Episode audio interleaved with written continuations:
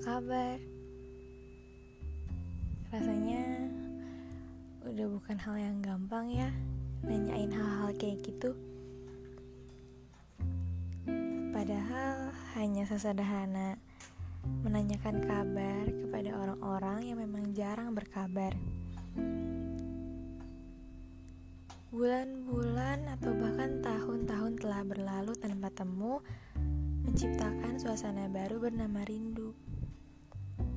Membuat diri kembali bermain bersama bayang-bayang semu. Jarak dan waktu memang jadi pemisah paling menyakitkan ya. Iya, selalu sukses menjauhkan raga. Dan ketika raga mulai jauh, lambat laun akan datang hari di mana hati kita juga tak lagi bertaut. Kita jadi terbiasa dengan ketiadaan. Kita jadi terbiasa dengan kata tanpa. Membuat diri yang awalnya tak berniat melupakan jadi banyak kenangan yang perlahan hilang dari ingatan. Kalau dipikir-pikir, kehilangan itu menyakitkan ya. Tapi sayangnya kita nggak akan pernah bisa menghindar dari fase kehidupan bernama kehilangan. Karena itu memang bagian dari hidup. Semua orang pasti punya porsi jatah waktu mampir masing-masing ke kehidupan kita.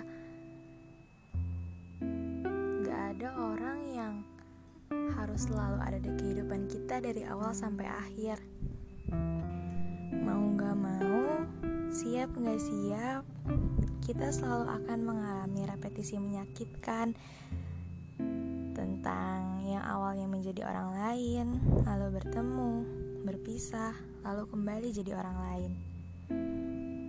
Bagian terpahit dari perpisahan justru bukan kata perpisahan itu sendiri, tapi kenyataan bahwa ketika suatu hari kita bertemu lagi,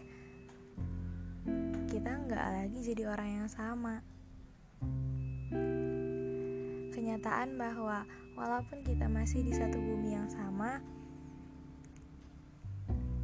kita bahkan bisa sampai sesulit itu untuk sekedar menyalakan kabar. Tapi ternyata itu memang hal yang biasa di kehidupan manusia. Namun mau bagaimanapun, waktu akan terus bergulir. Kejadian manis datang dan pergi. Manusia bertemu dan berpisah.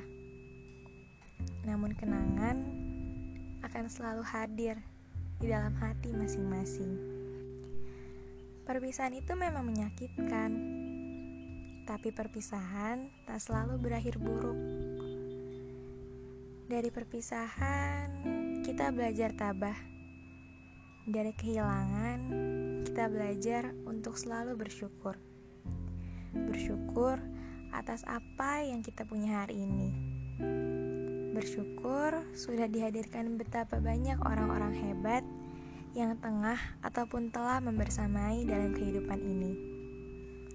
Jadi, untuk kamu yang pernah hadir, untuk kalian orang-orang hebat yang pernah hadir dalam kehidupan saya, terima kasih ya. Walau kini telah sulit untuk sekedar berkabar, semoga kita bisa tetap saling mendoakan.